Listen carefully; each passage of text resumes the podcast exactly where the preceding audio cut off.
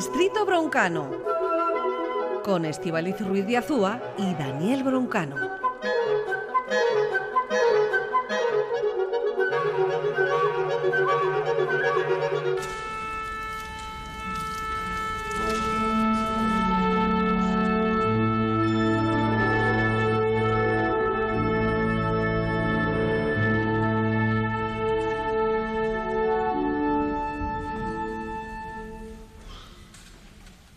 La orquesta afinando en lo que se ha convertido ya en una sintonía de, este espacio y frente a todos eh, estos músicos, frente a todos estos maestros, él, Daniel Broncano, ¿cómo estás? ¿Qué tal? Hoy seguimos con nuestro eh, curso por fascículos de musicología e instrumentología avanzada. Hoy seguimos con un instrumento que es el arpa. Claro, Estivalis, es que ya estamos realmente eh, rastrillando los márgenes de la orquesta. como ya hemos pasado por todo, hemos pasado por el, por el, viento, por la cuerda, la percusión, ya estamos en los, los instrumentos para subir nota, realmente. Claro, este, eh, este, este instrumento eh, puede parecer muy obvio. bueno, pues un arpa, bien, es, sencillo de, de construir, pero ¿a quién se le inventó? ¿O quién inventó? ¿O quién tuvo la idea genial de hacer un arpa? Eh, creo que lo inventaron todos, como en Fuentovejuna, porque esto, eh, claro, las primeras arpas son de hace más de 3.500 años. Claro, hay que, hay que tener como un triángulo de madera eh, para sobre él poner cuerdas de diferente longitud. Hay muchos instrumentos de cuerda donde con los dedos se cambia la longitud de la cuerda. Estos son las guitarras, son los violines, tantísimos otros instrumentos. Hay otros que tienen todas las cuerdas dispuestas, una para cada nota. Es el arpa, eh, son todos los instrumentos de tecla como, como el piano, el clavecín. Entonces, claro, esto es el sueño de Pitágoras. Sabemos que, Pitágoras, este eh, pensador griego que hizo tantísimas cosas por las matemáticas, también por la música, porque él tenía muy claro eh, estas proporciones que hay entre la longitud de un cuerpo sonoro y su frecuencia, pues el arpa se ve claramente ¿no? Tú ves una cuerda de una longitud, la que es la mitad que eso suena una octava más alta, es, como, un, una demostración de teorías de acústica. Eh, son muy antiguas las arpas, eh, son, son realmente, llevan siglos y siglos. Eh, se hacían, mira, se hacían al principio con tripas de carnero, las cuerdas. Bien. Eh, de ahí fue pasando poco a poco a ser de metal. Eh, nosotros vamos a empezar eh, escuchando música en esa, en esa transición que tuvo el arpa de las tripas de carnero a las tripas de metal, cuerdas de metal, perdón. En este siglo XVI vamos a escuchar el arpa medieval de Sara Áqueda, eh, tocando música de John Dowland. Eh, Dowland era un compositor inglés y vamos a escuchar esta, esta pieza que se llama Fortune, Fortuna, tocada por Sara Agra.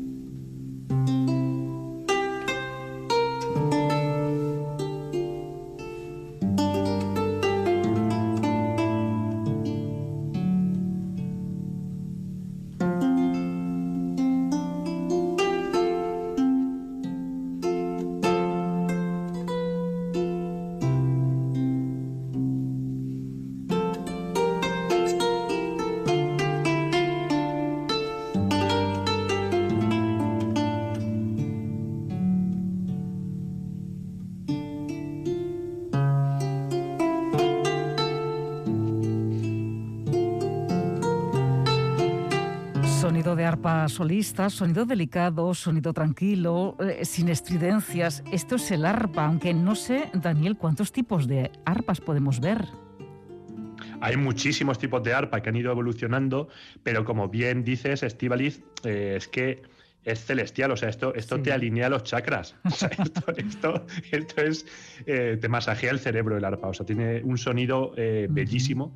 eh, claro, de estas arpas medievales, al principio eran diatónicas. Esto quiere decir que eh, solo tenían como las teclas blancas del piano, como el do, re, mi, fa, sol, así, pero no tenían el do sostenido, el re sostenido, se le faltaba como, como mucha cuerda. ¿no? Esto em, fue luego añadiéndose, ya a partir del siglo XVI se empezó a hacer un engendro en el que había una doble fila de cuerdas. Había como las, las teclas blancas del piano, al lado otra fila de cuerdas con estas notas intermedias. Y esto, eh, tecnológicamente, el arpa siempre ha estado eh, gestionando cómo añadir tantas cuerdas como notas hay. ¿no? Eh, ahora después vamos a escuchar a, a Händel, el concierto para arpa de Händel, con uno de los, que esto ya está hecho para, arpa cromática, y sabes, Estivaliz, que, que, uno de los arpistas más eh, famosos y de más proyección de la historia eh, ha sido Donostiarra. Ah, Esto es Nicanor Zabaleta, claro, toda una institución del arpa. Entonces, eh, justo para esto hemos seleccionado una, grabación de Nicanor Zabaleta tocando el concierto para arpa número 4 de Händel.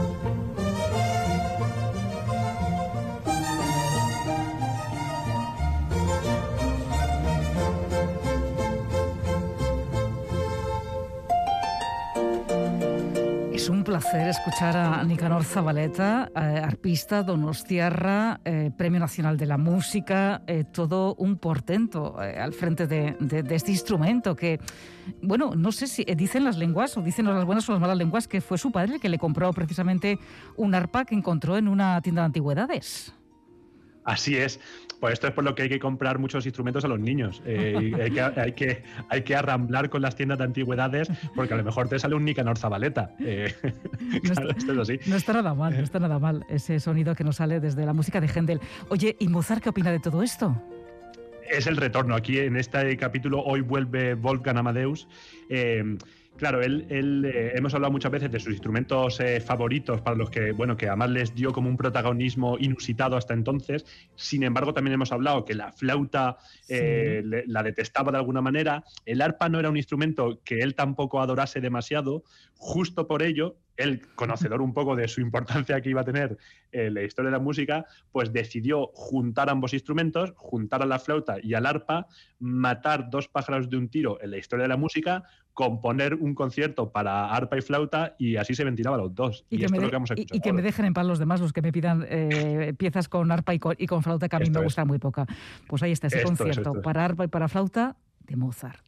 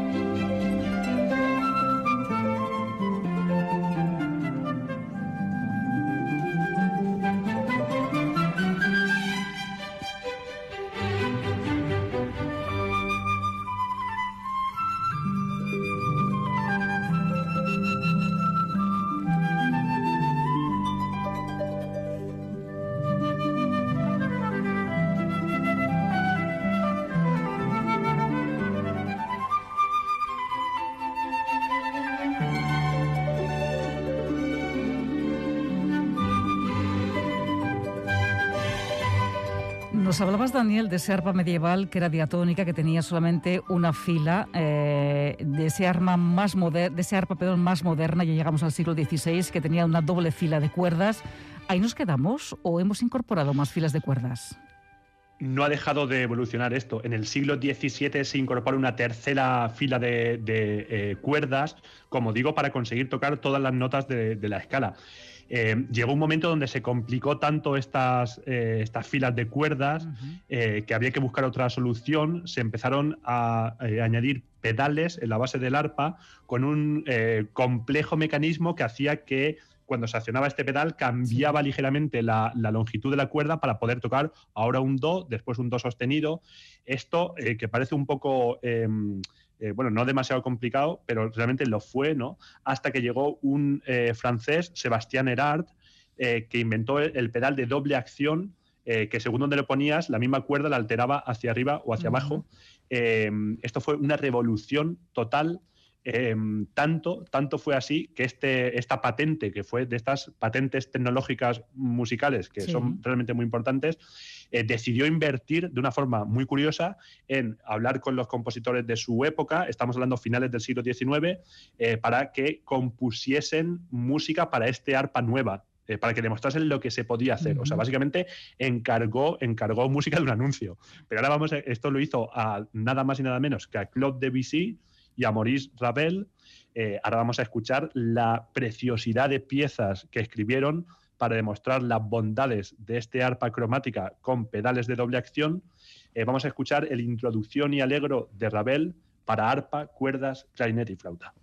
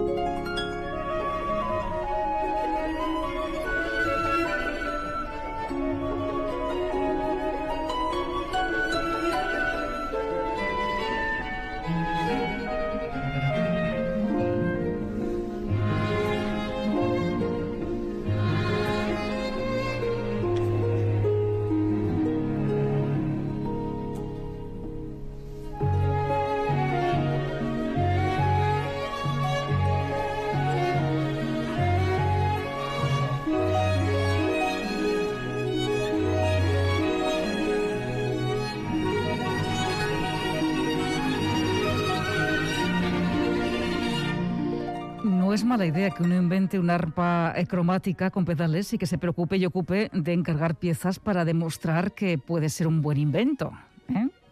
Pero además no ha habido otro parangón así en la historia de la música que un constructor de instrumentos em, decida hacer esta campaña que ha sido tan al final tan positiva para la historia de la música porque justo por eso, por, retar a los compositores a que escribiesen algo eh, difícil para, ese instrumento con más posibilidades, hiciesen estas joyas, ya has visto lo precioso que es esta, esta obra llena de colores, colores, Estivaliz, como los que tienen las cuerdas de las arpas. Eh, una vez que tú juntas 86 eh, cuerdas, todas en el mismo plano, un arpista tiene eh, cierta dificultad para acordarse de cuál es cuál o para detectar dónde está el do, dónde está el fa. Entonces, las, las arpas actuales tienen eh, ciertas cuerdas rojas, ciertas cuerdas negras como referencia de dónde está el do, dónde está el sol. Eh, esto, es, esto es muy curioso en las, en las cuerdas de las arpas. Te voy a contar varias. Es que, es que yo te voy a contar una, una cosa personal. Yo viví un tiempo en Londres cuando yo estudiaba allí con, una arpista, eh, porque vivíamos en, casas donde todos éramos músicos y así nos, nos dábamos la vara unos a otros con nuestros instrumentos. Entonces había, yo siempre, eh, durante dos años viví con una arpista francesa y esto eh, tienen un montón de cosas curiosas. Claro, los dedos de un arpista se convierten casi en, muñones, ¿no? porque, porque, aunque el sonido es tan delicado y tan celestial, pero hay que estar plectrando con los dedos estas, estas cuerdas. Hay que crear callo en los dedos, vamos. Pero hay que crear tal cantidad de callo, Estivaliz, que un eh, arpista no puede fregar platos. O sea, porque, esto es muy mm. curioso, si tú friegas los platos con el fairy y con el agua caliente, se te reblandece el callo. Y esto tiene nefastas consecuencias en el concierto que te vas a quedar mañana. Y también para los compañeros de piso, me imagino, que eran un nefasto negocio. Pero es, que, pero es que Claire tocaba muy bien, entonces le fregábamos los platos para que esta señora arpista tuviese los callos como Dios manda. Eh, así fue. Bueno, ahora que conocemos eh, el arpa en profundidad, ya la hemos escuchado en, en Soledad, vamos a verla en acción dentro de la rutina de la orquesta con el solo de arpa del Lago de los Cisnes de Tchaikovsky.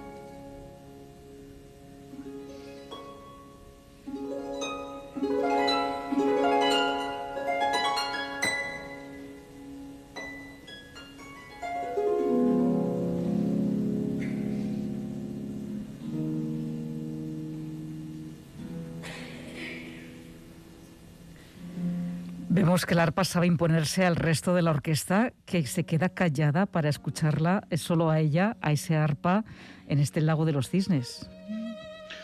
Total, además es que vemos que el arpa tiene este aura, ¿no? Tiene este carisma sonoro. Eh, de nuevo, de nuevo, vamos a ver ahora la, parte doméstica de un arpa. Un arpa em, eh, tiene una gran resonancia en esta barra, sobre todo de abajo, em, eh, que todo va al suelo. Entonces, si alguien ha convivido con un arpista, lo sabrá que toda, como todo este sonido se apoya en el suelo, mm, toda la casa y todo el edificio suena a arpa. Esto es una cosa maravillosa. El arpa además es un instrumento que justo por, este, eh, por esta situación con los pedales, que con los pies tienen que manejar siete pedales para cambiar de golpe y poder tocar todas las notas, es uno de esos instrumentos que requiere mucho estudio. O sea, hay instrumentos Estivalis con los que tú puedes leer una partitura y tocarla la primera vez que la ves, eh, hay otros instrumentos que requieren como de verdad más planificación para ser capaz de tocar esa, partitura, ¿no? Y en casi de todos los instrumentos gana el arpa, el que más preparación requiere, requiere planificar bien qué movimientos se hacen con las manos, requiere eh, cómo cambian los pedales, eh, gente muy dedicada a la que toca, la que toca el arpa. vamos a seguir con el arpa dentro de la orquesta. Wagner hacía todo a lo grande.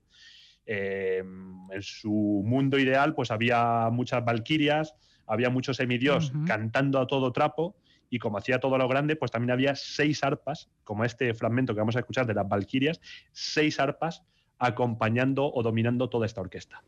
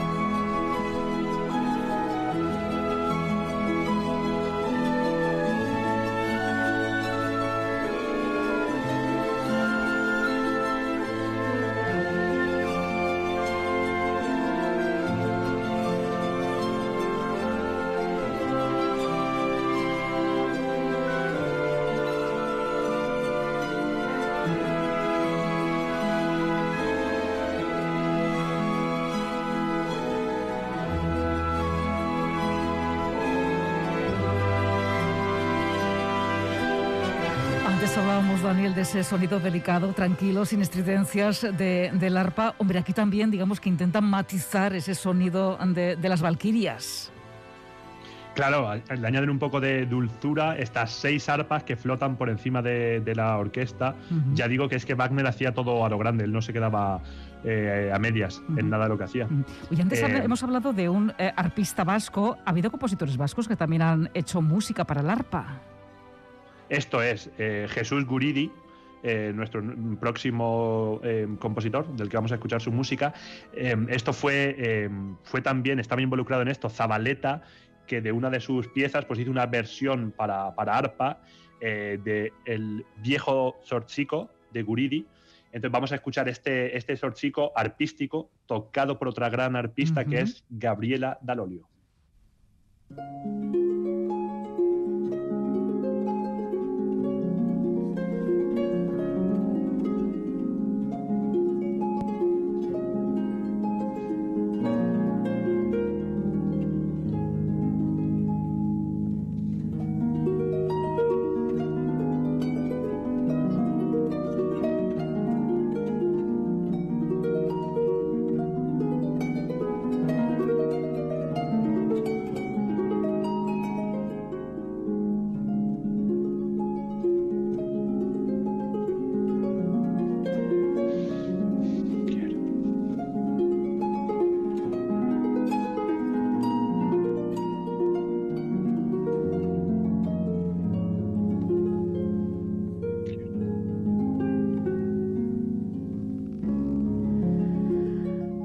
Podríamos quedar aquí escuchándola toda la tarde. ¿eh? Nos da tranquilidad el arpa, este sonido. Es hipnótico, es hipnótico, Estivaliz. Es totalmente hipnótico. Es que más te imaginas, a, te imaginas a ella, esa mujer ahí eh, tocando ese arpa. Es que es, hipnótico, como dices, sí, sí, evidentemente. Con, sus dedos callosos que no pueden fregar los platos, pero luego produciendo ese sonido celestial. Además, los arpistas, sabes que hay como dos tipos de arpistas. Hay los arpistas que son como ninfos eh, bajados del cielo, a los que hay que llevarles el arpa porque no, porque hay que hacer ese servicio a, ese, a ese ser ninfático. También hay otros arpistas que son, que, se descargan el arpa en su propia espalda eh, y que son como, como lo más práctico y deportista del, mundo. Eh, vamos a salir de esta música tan celestial que estamos escuchando ahora a un sonido mucho más futurista. Eh, esto es Reinhold Glier, es un compositor ucraniano. Creo que, va a ser la primera vez que suena aquí un compositor ucraniano en estos capítulos. Eh, Reinhold Glier, además, se cambió el nombre en cierto momento a Glier y la gente pensaba que era francés, le añadió como una E al final, pero es, ucraniano y compuso eh, un concierto para arpa eh, que nos rompe los esquemas sobre este sonido un poco, como digo, de fantasía que a veces tiene el arpa, pues eh, ahora vamos a escuchar un sonido mucho más futurista en este concierto para arpa de Reinhold Glier.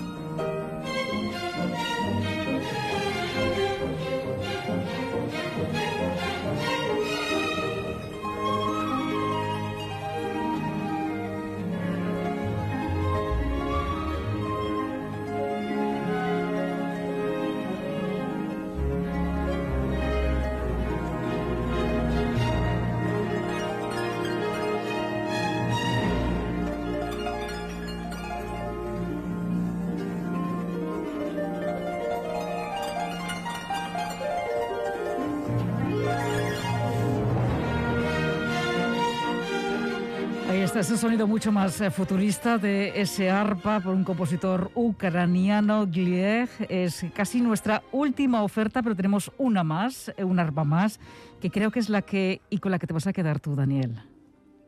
Yo me quedo con una de mis piezas, además es que es una de mis piezas favoritísimas. Eh, estoy hablando del concierto Serenata para arpa de Joaquín Rodrigo.